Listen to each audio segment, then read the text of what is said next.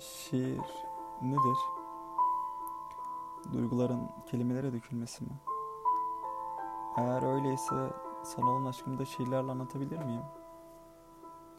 Ya aslında öyle edebiyatı mükemmel değil yani. Pek beceremem öyle şiir falan.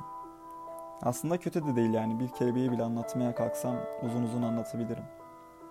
Kanatlarındaki renklerin her bir tonunu bile uzun uzun tasvir edebilirim. Ama konu sen olduğun zaman seni kelimelere dökebilir miyim? Seni anlatabilecek bir kelime var mı?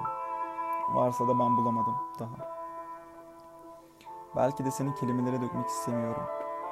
Seni bu saçma hayatın tasvirleriyle anlatsam sana haksızlık etmiş olmaktan korkuyorum.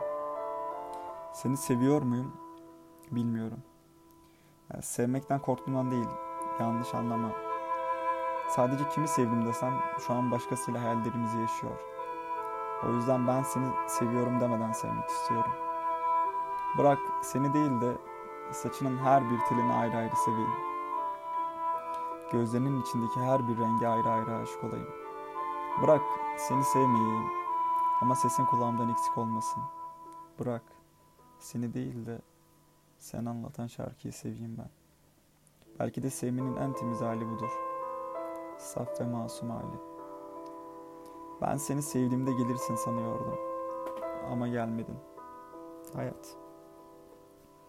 Ben de artık seni değil, senin bana bıraktıklarına aşık olmayı seçiyorum. Aşk çok saçma belki. Ama bence gayet rasyonel ya. Elbette seni sevmek, ata binmek gibi. Elbette attan atlamak da rasyoneldir gayet. Ben aşkın at üstünde olduğunu düşünüyordum. Yere atladığımda fark ettim. Ben ata değil de yollara aşık olduğumu. Bunu fark etmek için atlamak gerekiyormuş. O yüzden seni sevmek ne kadar açıklanamaz olsa da seni sen yapan şeylere aşık olmak bir o kadar rasyonel.